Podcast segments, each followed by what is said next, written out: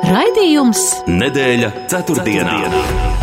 Sabiedrībā zināma cilvēku diskusija par nedēļas aktualitātēm katru ceturtdienu pēc pulksten 17. Nedēļa ceturtdienā. Projektu finansē Mēdīju atbalsta fonds no Latvijas valsts budžeta līdzekļiem. Sveicināti kurzemes radio klausītāji, gada nogale, decembra vidus, ceturtdienas vakars un kurzemes radio ēterā raidījums nedēļa ceturtdienā. Tas nozīmē, ka tuvākās gandrīz stundas laikā pārunāsim aizvarītos septiņu dienu notikumus. Un šajās dienās daudz informācijas par karu Ukrainā, kur Krievu karaspēks veic intensīvus uzbrukumus gan Ukrainas galvaspilsētā un arī okupētajās teritorijās. Izskanējis arī NATO ģenerālsekretāra viedoklis, ka jābūt gataviem saņemt sliktas ziņas no Ukrainas. Ukrainas Ukrainas prezidents tikmēr bijis vizītais Brazīlijā, ASV, Norvēģijā, kur tiekoties ar politiķiem, cenšas viņus pārliecināt par militārās palīdzības turpināšanu karā pret agresoru valsti Krieviju. Krievijas prezidents tikmēr paziņojis par kandidēšanu vēlēšanās uz nākamo periodu, vēlēšanas rīkojot arī okupētajās Ukrainas teritorijās, bet Startautiskā olimpiskā komiteja paziņoja šajā nedēļā, ka Parīzē spēlēs tiks pielaisti arī atlēti no Krievijas un Baltkrievijas tiesa gan ar neitrālu karogu, un vairāki Latvijas sportisti izteikusi, izteikuši sašutumu par šādu lēmumu, un arī valsts prezidents Edgars Rinkevičs atzinis, ka šis lēmums nav īsti pareizs. Valsts prezidents ir viens no pieciem kandidātiem, kurš pretendē uz titulu Eiropas cilvēks Latvijā 2023. Šāds balsojums vēl pieejams līdz 19. decembrim. Un vēl Latvijā noskaidrots, kura ir šā gada ģimenēm draudzīgākā pašvaldība. Un vēl pēc 30 gadu kalpošanas arhibīskapa amatā pensijā gatavojas doties Latvijas evaņģeliski luteriskās baznīcas arhibīskaps Jānis Vanaks. Plašāk par minētajiem tematiem šovakar sarunāšos ar raidījuma viesiem, un tie ir Rīgas Stradiņa universitātes lektore, politoloģe Lelde Metla Rozentāle. Labvakar! Labvakar! Un Latvijas Universitātes asociētais profesors drošības un strateģiskās pētniecības centra direktors Latvijas Nacionālās aizsardzības akadēmijā Toms Rostoks. Labvakar! Labvakar! Un ievad jautājums man būtu jums šāds, pirms ķeramies klāt tādām nopietnākām tēmām. Ģimenei draudzīgākā pašvaldība. Tātad noskaidrots, ka tā ir Sigulda, ka tas ir Saldus novads Kurzemē, ka tas ir Dobeles novads Zemgalē. Kas jūsuprāt ir trīs galvenie faktori, eh, kam jūs dotu tādu nosaukumu ģimenei draudzīga pašvaldība? Sākšu Lelde ar jums.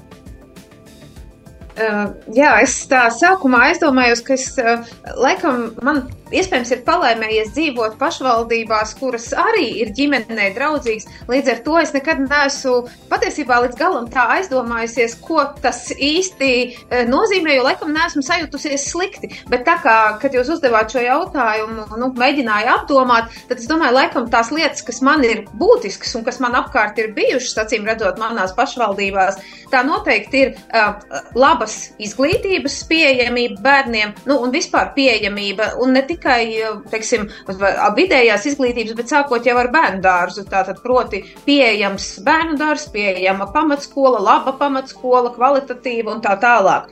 Otrs noteikti, protams, ka tā ir droša vide, nu tādā, um, tā, tā doma, ka man nav varbūt jābaidās, ka bērns iet uz skolu no skolas, kas ar viņu notiek uz ielas, ka man ir šī drošības sajūta, un varbūt priekš uh, nu, mazākiem bērniem.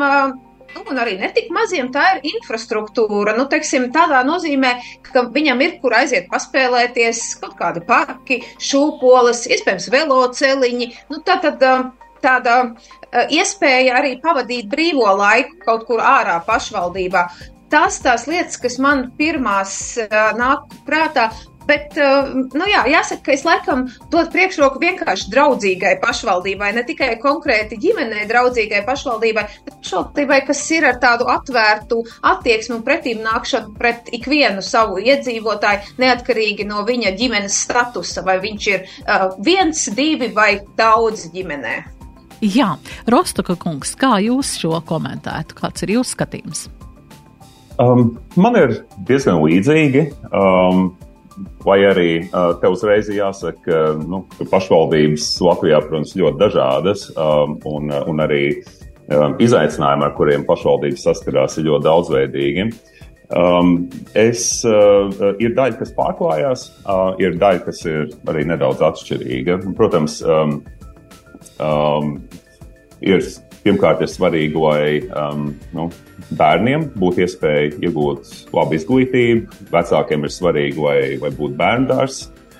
Un, uh, un arī uh, ļoti būtiski, nu, mums Latvijā ir šis uh, šausmīgi garais uh, vasaras pārtraukums mācībās bērniem, nu tad, tad vai viņiem ir arī kāds sporta laukums, kur viņi var bumbu padzenāt, pavingrot un tam līdzīgi. Um, tas būtu viens. Otrs ir um, um, saskarsme ar pašvaldību. Nu, tātad, lai tās lietas, kuras vecākiem ir jākārto ar pašvaldību, lai tad būtu iespējams to arī pēc iespējas ātri un nesāpīgi nokārtot. Um, un trešais, uh, manuprāt, ir, um, nu, uh, lai arī šeit stāsta par ģimenēm, uh, tomēr uh, nu, tiem vecākiem jau arī kaut kas jādara ne tikai bērniem. Uh, un varbūt pierīgas pašvaldībās patiešām ir, uh, ir svarīgāk, vai ir tā nu, iespēja uh, bērniem tur pavingrot un kāds sporta laukums un ar peldēšanu varbūt nodarboties. Bet tas nu, tālāk ārpus Rīgas tur jau tie cilvēki varbūt īsti nedzīvos, ja tur nebūs biznesam draudzīga vide. Jā. Tad no sākuma tās ģimenes ir jāpiesaista. Vecākiem ir jābūt darba iespējām, un manuprāt, tas ir ļoti svarīgi, to es kā trešo minētu.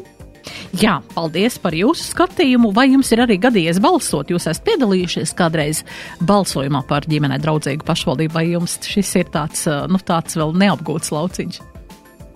Es neesmu laikam, no man, ne. es arī neesmu, laikam, kaut kā mani tā ziņa nav sasniegusi, bet noteikti, ka šis ir motivators nākotnē pasakot līdzi. Paldies.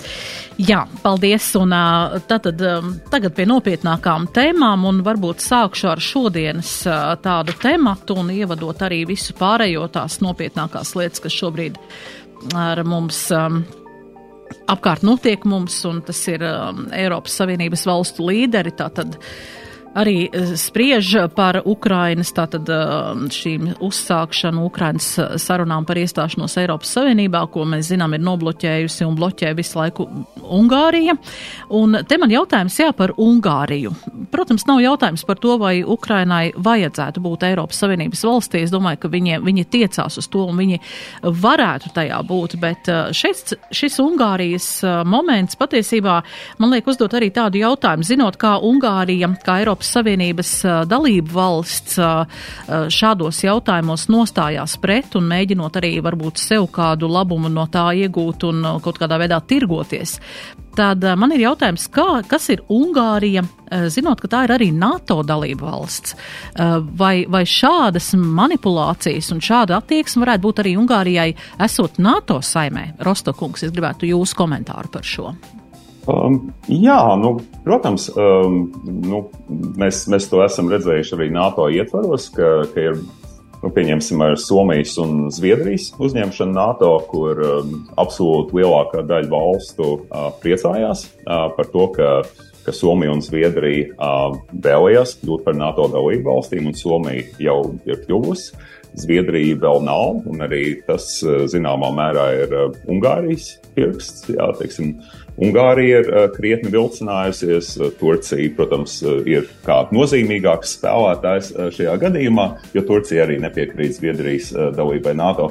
Bet pēc būtības jā, mēs, mēs redzam, ka, ka gan Eiropas Savienības, gan arī NATO ietveros ir, ir valstis, par kuru nu, teiksim, tā, nu, kopējo nostāju ir zināms šaubas. Un, uh, Un, um, nu, vismaz NATO kontekstā uh, gan, uh, gan Ungārijas, gan arī Turcijas nostāja ietekmē arī mūs, jo, piemēram, um, Zviedrijas uh, iestāšanās NATO būtu, tad, nu, ja Zviedrija iestātos, tad, tad arī um, nu, būtu lielāks Zviedrijas pienesums Latvijas drošībā taustāms pienesums arī, tad, ja Zviedrija būtu alianses sastāvdaļa, tad Zviedrija varbūt varētu sniegt vēl lielāku palīdzību Ukrainai, ko viņi arī ir šķiet, ka gatavi darīt. Līdz ar to nu, tie, tie nav tādi sīkumi. Jā, nu, cer, cerēsim, ka atrisināsies gan, gan viens, gan otrs jautājums. Bet, bet, protams, tie kopējie signāli jau nav iepriecinoši. Jā, Lelde, vai jums ir kaut kas piebilstams par šo? Jā, bet jāsaka, ka, protams, Ungārija varbūt dažkārt mums liekas, ka tad viņi ir uzreiz nu, tāda mm, prokremliska, jeb ka viņa ir Putina atbalstītāja, tad visdrīzāk jau, ka viņa nu, nevar gluži tā kategorizēt, ka, ka viņa mums ir tā kā tāds ienaidnieks azotē. Visdrīzāk, ka nu, tas ir tāds politikas stils, kas ir raksturīgs Orbāna kungam, ka viņš uh, tirgojas un spēlē uz abām pusēm, proti uz iekšpolitisko auditoriju, kura, uh, kā daudz viet arī vecajā Eiropā, ir neviendabīga, proti ir cilvēki, kas atbalsta aktīvu palīdzību Ukrainai, un ir tādi, kas šaubās, un Ungārijā arī tādu uh, ir gana. Un līdz ar to nu, viņš ar šo te mēģina ietirgot kaut kādu labumu gan tā kā priekš tā sava lokālā, lokālā vēlētāja, kuram varbūt ir kādas uh, citas intereses, nevis vēlēšanās atbalstīt uh, Ukrainu kā prioritāte. Un tāpat laikā jau mēs redzam, ka, nu, tomēr. Mm, tā kā tajās sarunās, ko mēs tik publiski neredzam, eh, tur tā Ungārijas nostāja bieži vien ir, eh, nu, varbūt atbalstošāka vai vairāk eh, pietuvināta Eiropas Savienības kopējiem kursam nekā tajā, ko Orbāns paziņo publiski. Tā varētu būt, jā. Jā. Um, interesants ir tas, ka, nu, labi, Turcija tā kā, nu, Turcija ir tāds cits reģions un varbūt tā kā tālāk no mums, bet, bet šie abi, abi valstu līderi patiesībā, nu, Turcija arī spēlē uz dažādām pusēm, lai iegūtu labumu savai, savai valstī dažādā veidā. Mēs zinām gan šo bēgļu, šo migrantu aizturēšanu, kur ir šie, šie trešo valstu uh, migranti, kur, kur Eiropas Savienība labu laiku maksāja viņiem par to naudu, lai viņi turētu šos, šos migrantus, kur arī, um, mēs zinām, Turcija šādi atbrīdināja, ka atvērs vārdu vārds, un tad redzēsiet, kas jums tur notiks.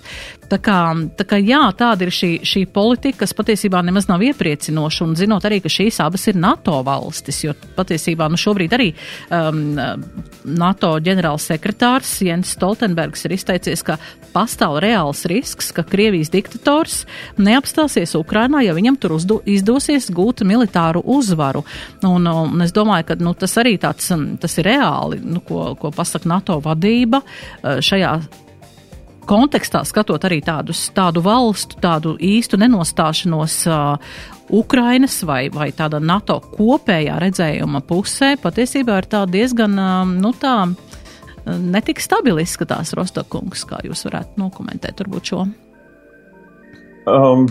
Jā, nu, šie drošības jautājumi ir savā ziņā vienkārši, savā ziņā arī um, netik vienkārši. Um, es, uh, es, es domāju, ka, uh, ka Latvijai šobrīd nav liela pamata uztraukties. Protams, ka, uh, ka Krievija rada apdraudējumu, bet nu, tas apdraudējums mainīsies vienā vai otrā virzienā atkarībā no tā, kāds būs pašreizējā kara iznākums. Man ir Uh, grūti iedomāties, um, uh, pie kādiem nosacījumiem Krievija varētu izdomāt, ka viņi vēl papildus uh, šai frontei Ukrainā ka viņi varētu vēl uh, iebrukt arī uh, Baltijas valstīs.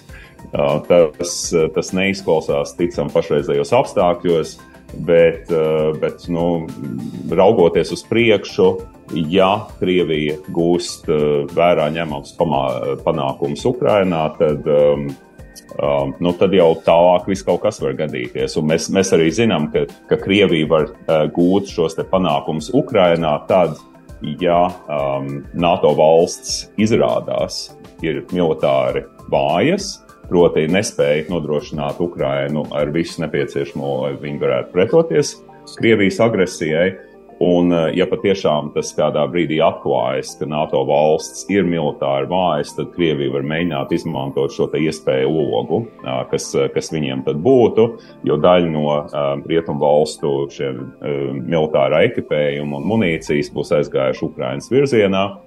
Uh, un, uh, un savukārt tad, nu, tā aizsardzības industrija vēl tā pa īstam nebūs iedarbināta. Līdz ar to, ja Krievija kaut ko tiešām vēlas uh, panākt, tad, uh, nu, tad tas, tas būtu, ja viņi tiks galā ar Ukrainu, tad, uh, tad mums būtu tiešām nopietni jāuztraucās. Jā. Jā, mums ir maza reklāmas pauzīt, pēc tam turpināsim un ieskatīsimies, kas, uh, ko nozīmē šī Putina paziņojums par kandidēšanu prezidenta vēlēšanās un kontekstā ar to, kas šobrīd notiek Ukrainā un ko mēs varam no tā ieraudzīt. Nedēļa ceturtdienā. Cerības uz lētāku elektrību veltīgi. Ak, šausmas Latvijā jāzina latviešu valoda. Ierēģi atkal strādā papīra grozām. Ar skaļu virsrakstu nepietiek. Neķeries uz skaļiem virsrakstiem, izvēlies visvairāk lasīto laikrakstu Latvijas avīzi. Abonē Latvijas avīzes 2024. gadam, saņem kalendāru dāvanā un vari laimēt līdz 5000 eiro. Latvijas avīze par svarīgo! Abonē portālā lasi.lv vai pastā. Loterijas atļaujas numurs 7815. Ar žurnālu simts labi padomi ikvienai saimniecei visgardākie pīrāgi, krāšņākais dārs, veselīga ģimene un omulīgas mājas. Abonē gadam, ietaupi gandrīz 30% no pirkšanas cenas un saņem veselas trīs dāvanas - cienas kalendāru, 5 eiro aptiekas kuponu un televīzijas abonementu 3 mēnešus bez maksas. Pieredzes stāsti un ekspertu ieteikumi mājai, dārzam, maltītēm, rokdarbiem un labsajūtai. Simts labi padomi saimniecībā noderēs. Vēlēs lieliski pavadīt laiku un izklaidēties? Tad šis pavisam noteikti būs arī priekš tevis.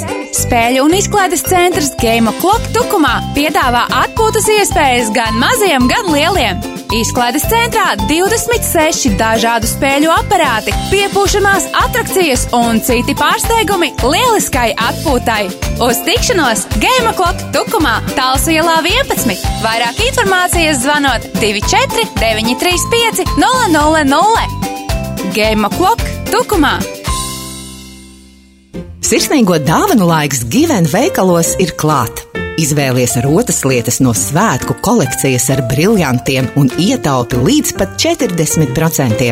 Iepērcies ērti un izdevīgi Given.CLV un Given veikalos visā Latvijā. Given atklāja savu rotas lietu pasauli. Opi, priecīgus svētkus! Paldies! Oho, tas joks! PTA nejoko! Mm. Omei, jauna Haier firmas veļas mašīna un ledus gabis kompresoram un motoram 25 gadu garantija. Rīgā piegāde bez maksas. Opi, tak beidz stopēt tās šokolādes! Mm, 19 kg laima šokolādes pārsteigums no PTA. Opiņā! Pārsteigums no PTA! Maisiem laimas ķešiņā! Akcijas noteikumi PTA LV. Nedēļa ceturtdienā. Turpinām raidījumu. Raidījumu viesi Lelde, Metla Rozentāle un Toms Rostoks. Jā, runājām par uh, Krievijas tātad uh, šo karu Ukrainā, par, um, par to, kas, uh, kā tas izskatās no NATO punkta skatoties, bet uh, Tātad šajā nedēļā mm, Krievijas federācijas prezidents Vladimirs Putins paziņoja par kandidēšanu prezidenta vēlēšanās, kas notiks nākamā gada martā. Un um, daudz komentētāji arī saista šo intensīvos uzbrukumus Ukrainā šobrīd gan Kīvai, gan arī šajās okupētajās teritorijās un mm, atkarojot atpakaļ šīs teritorijas, kas jau bija Ukrainas tātad pārziņā un pārvaldībā. Um, vārdu sakot, šie intensīvie uzbrukumi ir, ir saistīti ar to, lai, lai, lai Putinam būtu kaut kāds rezultāts Ukrainā, lai būtu arī viņa, viņa tāds, nu, tāds tēls veiksmīgāks uz šīm vēlēšanām. Un zināms arī, ka okupētajās Ukrainas teritorijās būs šīs Krievijas prezidenta vēlēšanas. Un, Kā mēs varam šo visu tagad uh, sasaistīt un ieraudzīt šajā kontekstā, nu, ņemot šo periodu līdz martam, līdz šim 17. martam, vai kurš tas bija tas vārds, um, līdz vēlēšanām? Vai tas ir faktors, uh, ko šobrīd mēs redzam, un, un tāds varbūt pat izšķirīgs faktors arī Krievijai kara, karā Ukrainā, Rostokungs? Um, nu, par to, ka uh, Vladimirs Putins kandidēs uh, uz prezidenta amatu atkārtoti, par to nebija šaubu. Jautājums bija par to, kā tas, kad tas tiks paziņots un kāda būs horeogrāfija, kas pavadīs šo paziņojumu. Um, mēs arī, nu, tā kā šobrīd viņš ir paziņojis, ka viņš kandidēs, tad mēs arī zinām, ka viņš uzvarēs, protams. Jā, tas jau uh, nebūs liels pārsteigums. Uh, Horeogrāfija uh, nebija īpaši oriģināla, uh, bet vienalga interesanti. Proti, ka, nu, teikt, pēc tautas pieprasījuma uh, viņš uh, teikt, nu, piekrīt, ka viņam jākandidē, jo valstī šobrīd ir grūti laiki, valsts atrodas kara apstākļos, un tāpēc ir, ir jākandidē. Uh, kas attiecas uh, uz uh, saikni ar Krievijas prezidenta vēlēšanām un, un karu Ukrainā, tad tā saikne ir, manuprāt, divējāda. Manuprāt, divas svarīgākās lietas ir tas, ka, nu, tātad, pirmkārt, tur, ir, tur vajadzētu būt kaut kādam rezultātam priekš Krievijas, jā, nu, ka, ka viņi gribētu kādas panākumus pirms tām vēlēšanām. Um, Putins uzvarēs jebkurā gadījumā, arī tad, ja tie panākumi nebūs, bet, bet nu, tas, tas palīdzētu. Um, un, uh, Un, un tad otrs, eh, manuprāt, ir, ir vairāk saistīts ar šiem nepopulāriem lēmumiem, kas arī Krievijā, eh, nu, teiksim, eh, publiskajā komunikācijā ir valsts pārvaldē Krievijā ir jārada iespējas, ka viss ir kārtībā, viss notiek, viss ir labi. Un, un tad viņiem šis iespējas būs jāturpina radīt līdz prezidenta vēlēšanām. Jā, tas, tas tās divas svarīgākās lietas, manuprāt. Jā, Lelde. Mm -hmm. Nu jā, jāsaka, ka jūs jau arī pieminējāt, ka, ka, ka Krievija šobrīd atsaucās arī uz situāciju Latvijā. Putins ir kaut ko komentējis, jo šādi vispār autoritāriem līderiem un īpaši šādi, nu, tā kā vēlēšana tūmā ir ļoti svarīgi akcentēt šo te ārējā ienaidnieku tēlu, ar kuru spēj cīnīties tikai šis viens līderis. Un principā, nu, tātad viņš ir tāpēc tautai nepieciešams, ja kāds gadījumā sašaubās savā pārliecībā, nu, ka viņš ir vienīgais, kurš spēj tikt galā ar šiem te ārējiem ienaidniekiem, kas visi mēģina uh, Krieviju apdraudēt. Nu, tā ir tā mm, viņu, viņu interpretācija, jeb retorika. Un līdz ar to, protams, uh, nu, tiek arī noteikti šajā te priekšvēlēšanu periodā tiks ik pa laikam iezīmēti dažādi ārējie draudi, uh, ar kuriem tad, nu, Putins veiksmīgi cīnās un līdz ar to, nu, lūk, apliecina savu savu spēju būt vienīgais un mūžīgais prezidents. Jā, bet uh, ir svarīgi šobrīd arī nu, šī, šī situācija Ukrainā. Un ko dos tas, ja um, Ukrainas okupētajās teritorijās uh, šajās vēlēšanās uh, nu, tiks parādīts, jā, nu, ka viņš ir tiešām tur atzīts un viņu atzīst par prezidentu, ņemot vērā, ka mēs zinām informāciju, kas notiek šajās teritorijās, ka bez Krievijas pasas patiesībā nevar arī šie cilvēki saņemt veselības aprūpas pakalpojumus Ukrainā. Um, kā, nu, kā tas izskatās uh, nu, pasaules mūsu acīs un kā to pasniedz uh, Krievijā? Tam jau arī patiesībā ir tāda. Nu, mūsu acīs tas jau, kā kolēģis teica, izskatās nu, kā absolūts fars un nu, zināmi rezultāti. Nu, mēs saprotam, ka visur, kur Krievijai ir uh, fizisks pārspēks, arī šajos te okupētajos reģionos, protams, ka viņa uh, nu, darīs, nu, vispār nav iedomājams cits scenārijs, kā tas, ka viņa apliecina, ka tur visi ar ārkārtīgu prieku un laimi uzņem Putinu kā savu prezidentu. Uh, mēs, protams, saprotam, ka tas ir iespējams. Nu, stipri iespējams, ka liela daļa sabiedrības tur absolūti tā nedomā. Gan jau, ka tur ir arī kāds tas lojālais segments, kas, eh, kas šo, šo, šo visu procesu atbalsta, eh, bet, eh, nu, patiesībā Putinam savukārt no Putina puses ir iespējams svarīgi tomēr parādīt, nu, ka mm, kaut kādā mērā tiem saviem iedzīvotājiem, kas, kas, kas ir Krievijas teritorijā, ka, nu, lūk, tas mūsu ceļš uz Ukrainas eh, demokratizāciju un palīdzību, eh, lūk, vainagojas panākumiem, redz, kā cilvēki Ukrainā mūs mīl un, un ciena, un redz, kā viņi grib, lai, lai, lai Putins ir arī viņu prezidents. Nu, apmēram tāds tas stāsts visdrīzāk ir. Jā, un kā tas varētu ietekmēt procesu Latvijā, ka mēs zinām, ka nu, pavisam drīz tuvojās datums, kad būs jāiz, jāpamet Latvijas teritorija šiem cilvēkiem, kas nenodro, nekārto šo uzturēšanās atļauju un attiecīgi šos uh, valodas jautājumus un vispārējo. kā tas varētu ietekmēt šos krievalodīgos, kas nav, nu, priekš Latvijas iedzīvotāju skaita nav tāds, nu, pavisam niecīgs procents, Rostokungs, kā jūs redzat?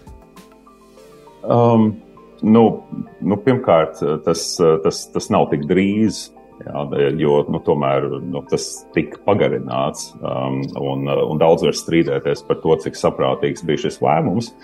Um, bet uh, bet nu, um, skaidrs, ka um, Krievijas iebrukums Ukrainā ir ietekmējis arī nu, kopējo noskaņojumu Latvijas sabiedrībā, un, protams, tur ir arī diezgan liels iespējas jā, nu, tādām viedokļu, un ne tikai viedokļu sadursmēm starp cilvēkiem, kur atbalsta Krieviju un kur atbalsta uh, Ukrainu.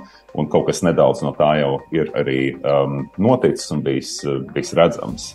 Uh, bet, uh, bet, bet kopumā, um, nu, vismaz pagaidām izskatās, nu, paraugoties uz, uz dažādiem datiem no sabiedriskās domas aptaujām, nu, tad uh, neizskatās, ka mēs esam kaut kā ļoti uh, um, nu, spējuši piesaistīt krievlodīgos iedzīvotājus un ka mūsu patiesība ir uzvarējusi un ka viņi tagad ir pieņēmuši, ka, ka Krievija ir agresors un, un ka mēs savukārt esam labie.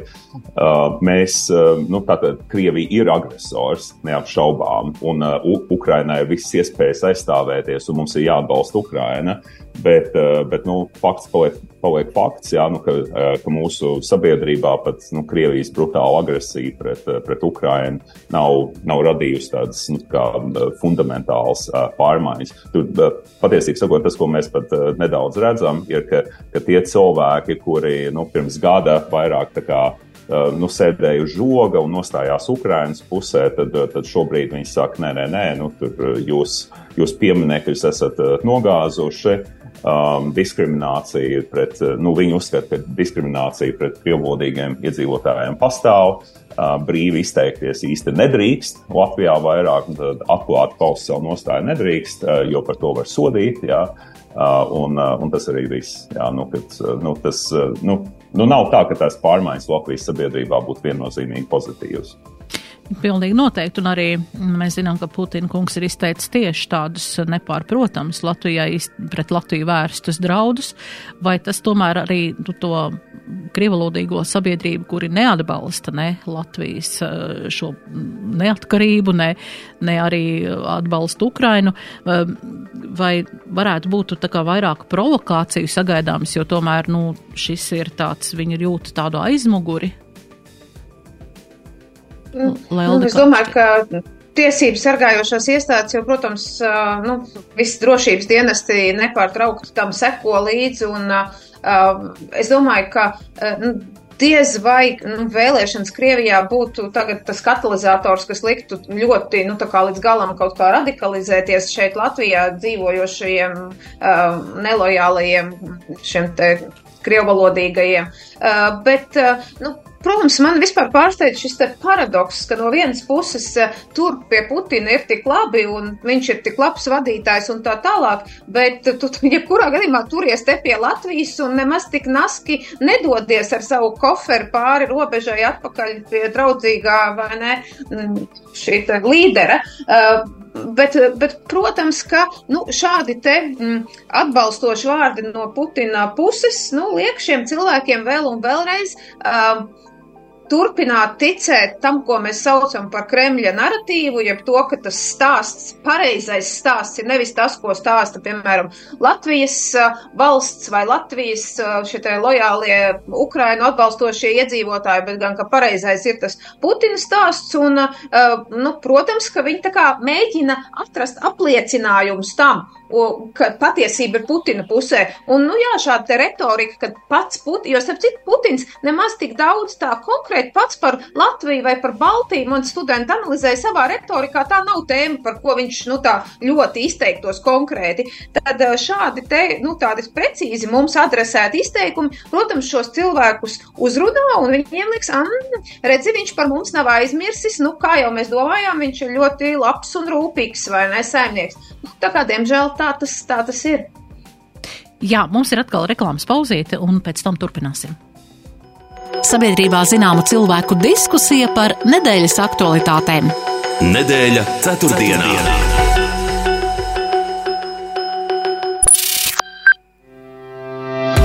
Pareizi kopts un gudri apsaimniekots mežs dod iespēju nopelnīt katrai paudzei. Meža saimniecības uzņēmums Kuršu mežs sniedz konsultācijas pareizes meža apsaimniekošanas jautājumos, pērk augošu koku cirsmas un meža zemes. Kuršu mežs ir profesionāļu komanda, kura katru savu pakalpojumu izskaidro vienkāršā un klientam saprotamā valodā. Vairāk informācijas www.kuršumežs.lv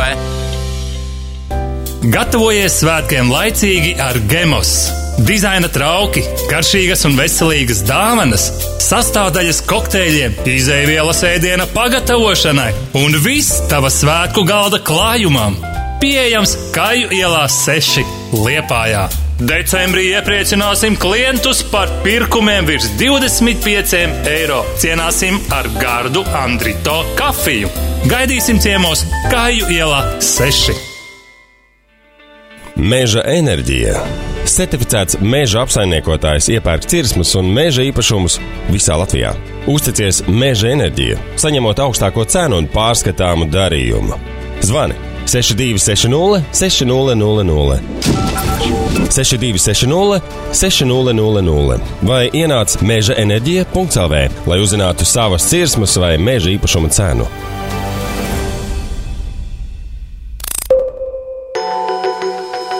Nedēļa ceturtdienā. Turpinām raidījumu. Šodien raidījumu viesi Toms Rostoks un Lelde Metla Rozentāle. Jā, vēl runājot par šo te mm, Krievijas, Baltkrievijas attiecībām ar pārējo um, sabiedrību, īpaši rietumos, mēs šajā nedēļā arī uzzinājām, ka Startautiskā olimpiskā komiteja ir atļausi um, Parīzes Olimpiskajās spēlēs nākamajā gadā piedalīties arī atlētiem no Krievijas un Baltkrievijas, un tiesa zem neitrāla karoga, bet uh, vismaz mūsu Latvijas daži sportisti un arī mūsu valsts prezidents jau ir izteicis savu viedokli, un sportisti arī izteikuši, ka negatavojās piedalīties sacensībās, kurās ir šo valstu atlēti.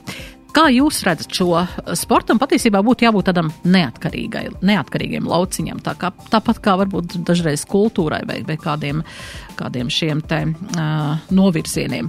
Kā jūs redzat šo startautiskās olimpiskās komitejas uh, paziņojumu un kā vajadzētu reaģēt tagad sportistiem īpaši no, nezinu, rietumvalstīm? Leldi, sākšu ar jums.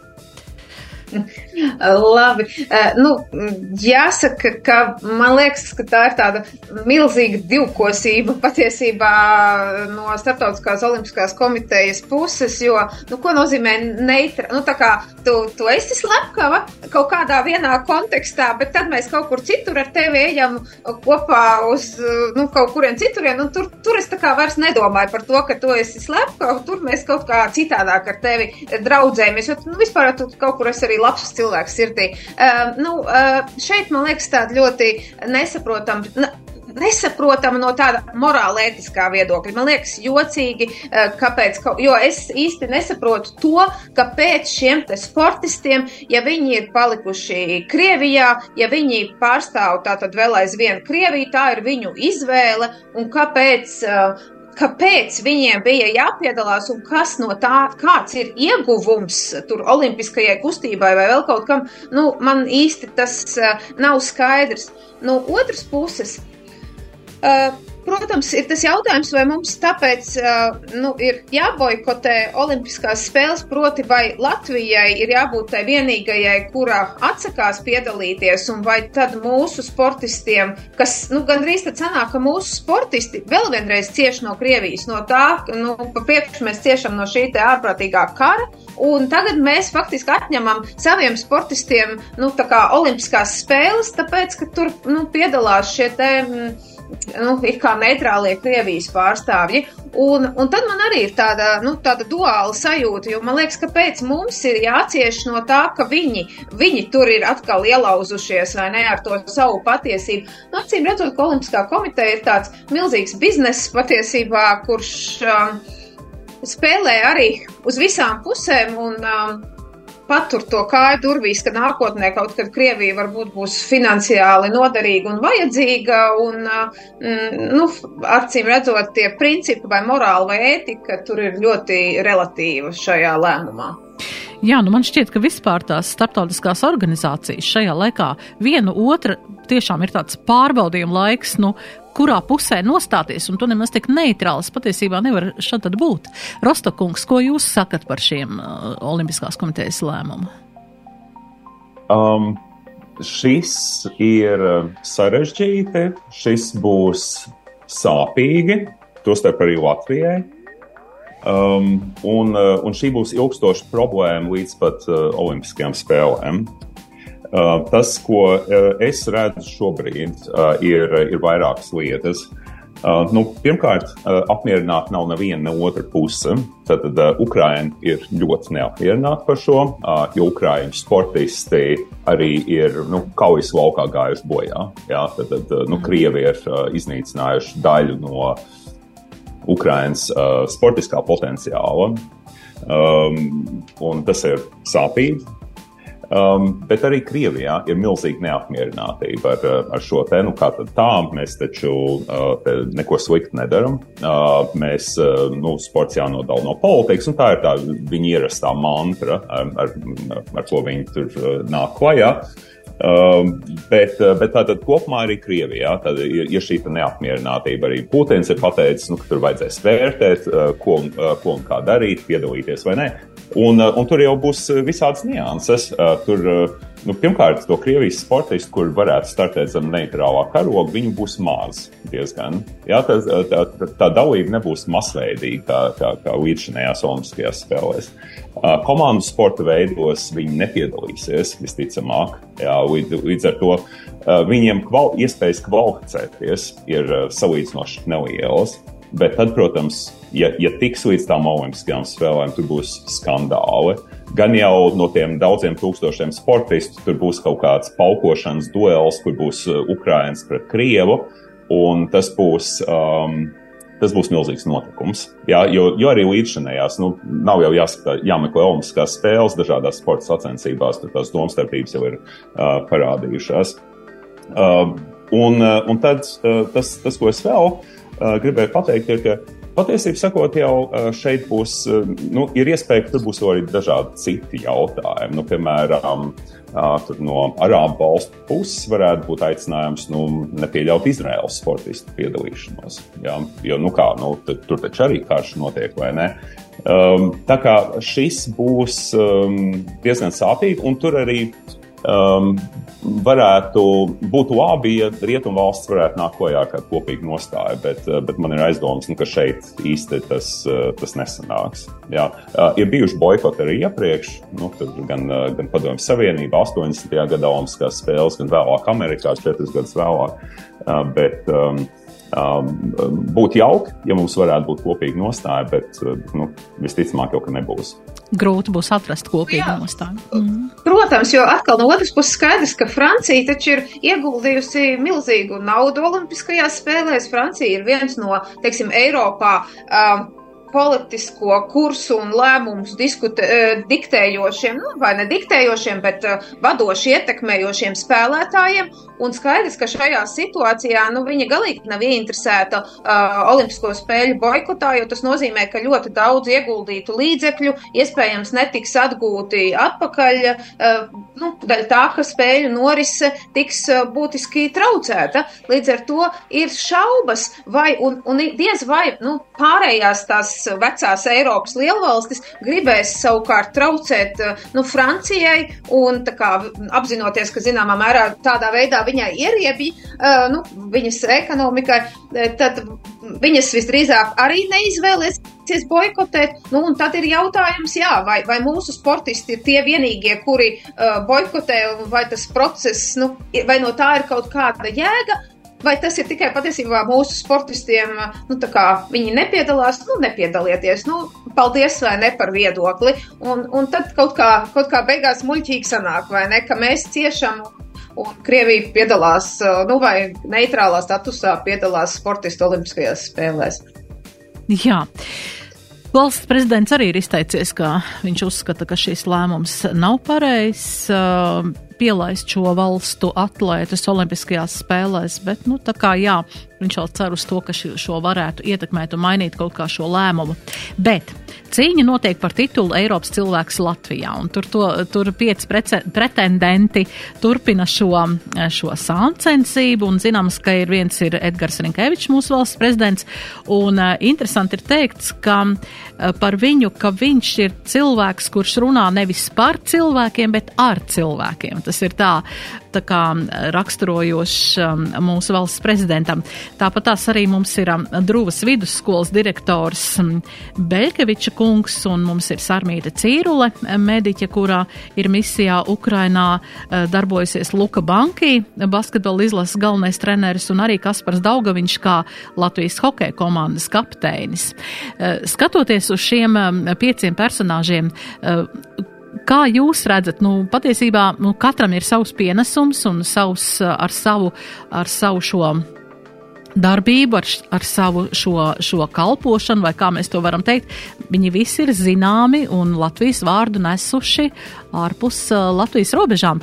Kā jūs, uh, kā jūs novērtējat šo, vai varbūt kāds ir aizmirsts, par ko mēs varbūt vispār neesam iedomājušies pieteikt Eiropas gada cilvēkam? Uh, Rostokungs, sākšu ar jums. Jā, labi.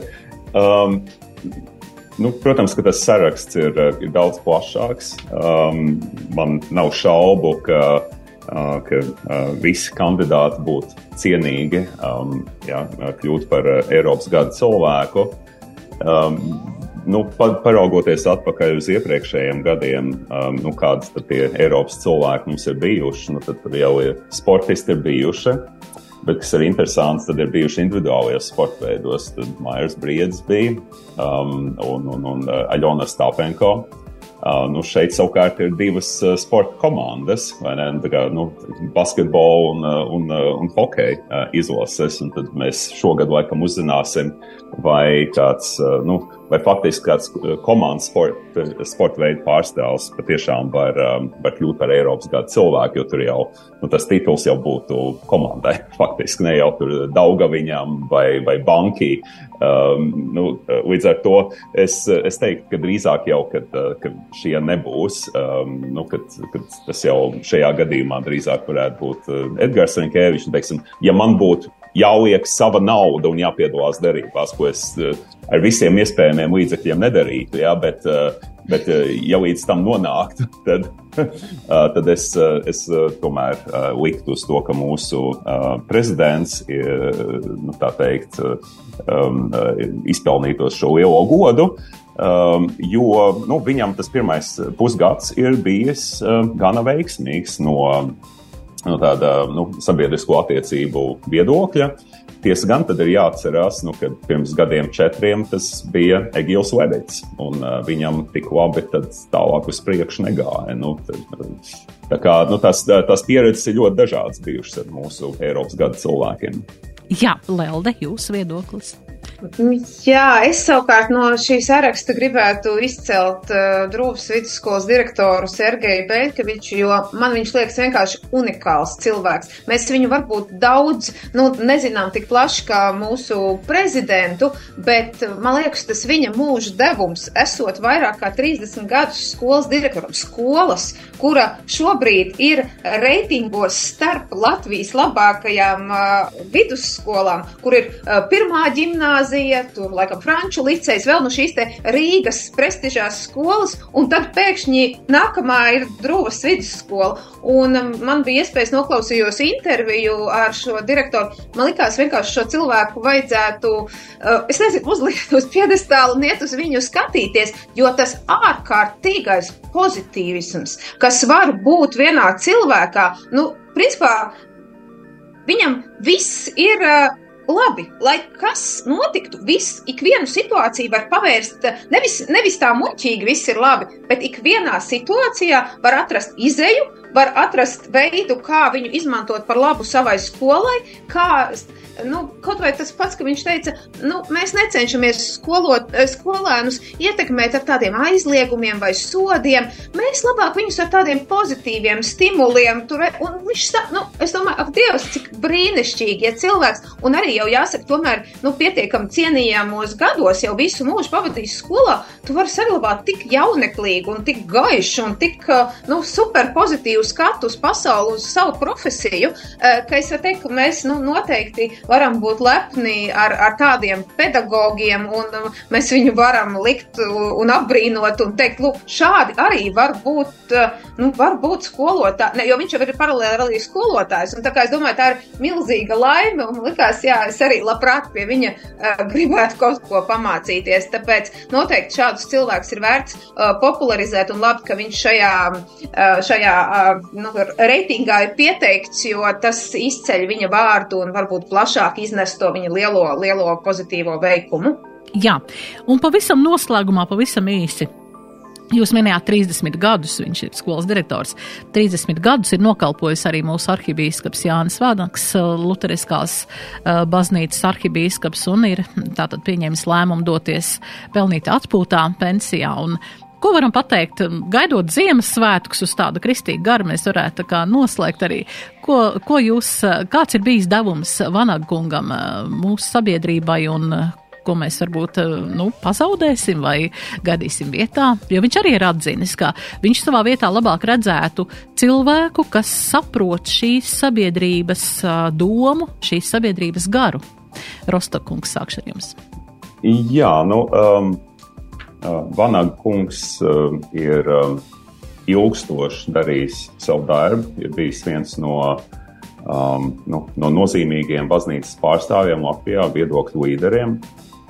Viņš ir uh, veidojis um, um, uh, evaņģēlisku luterisko baznīcu pēc sava priekšstata.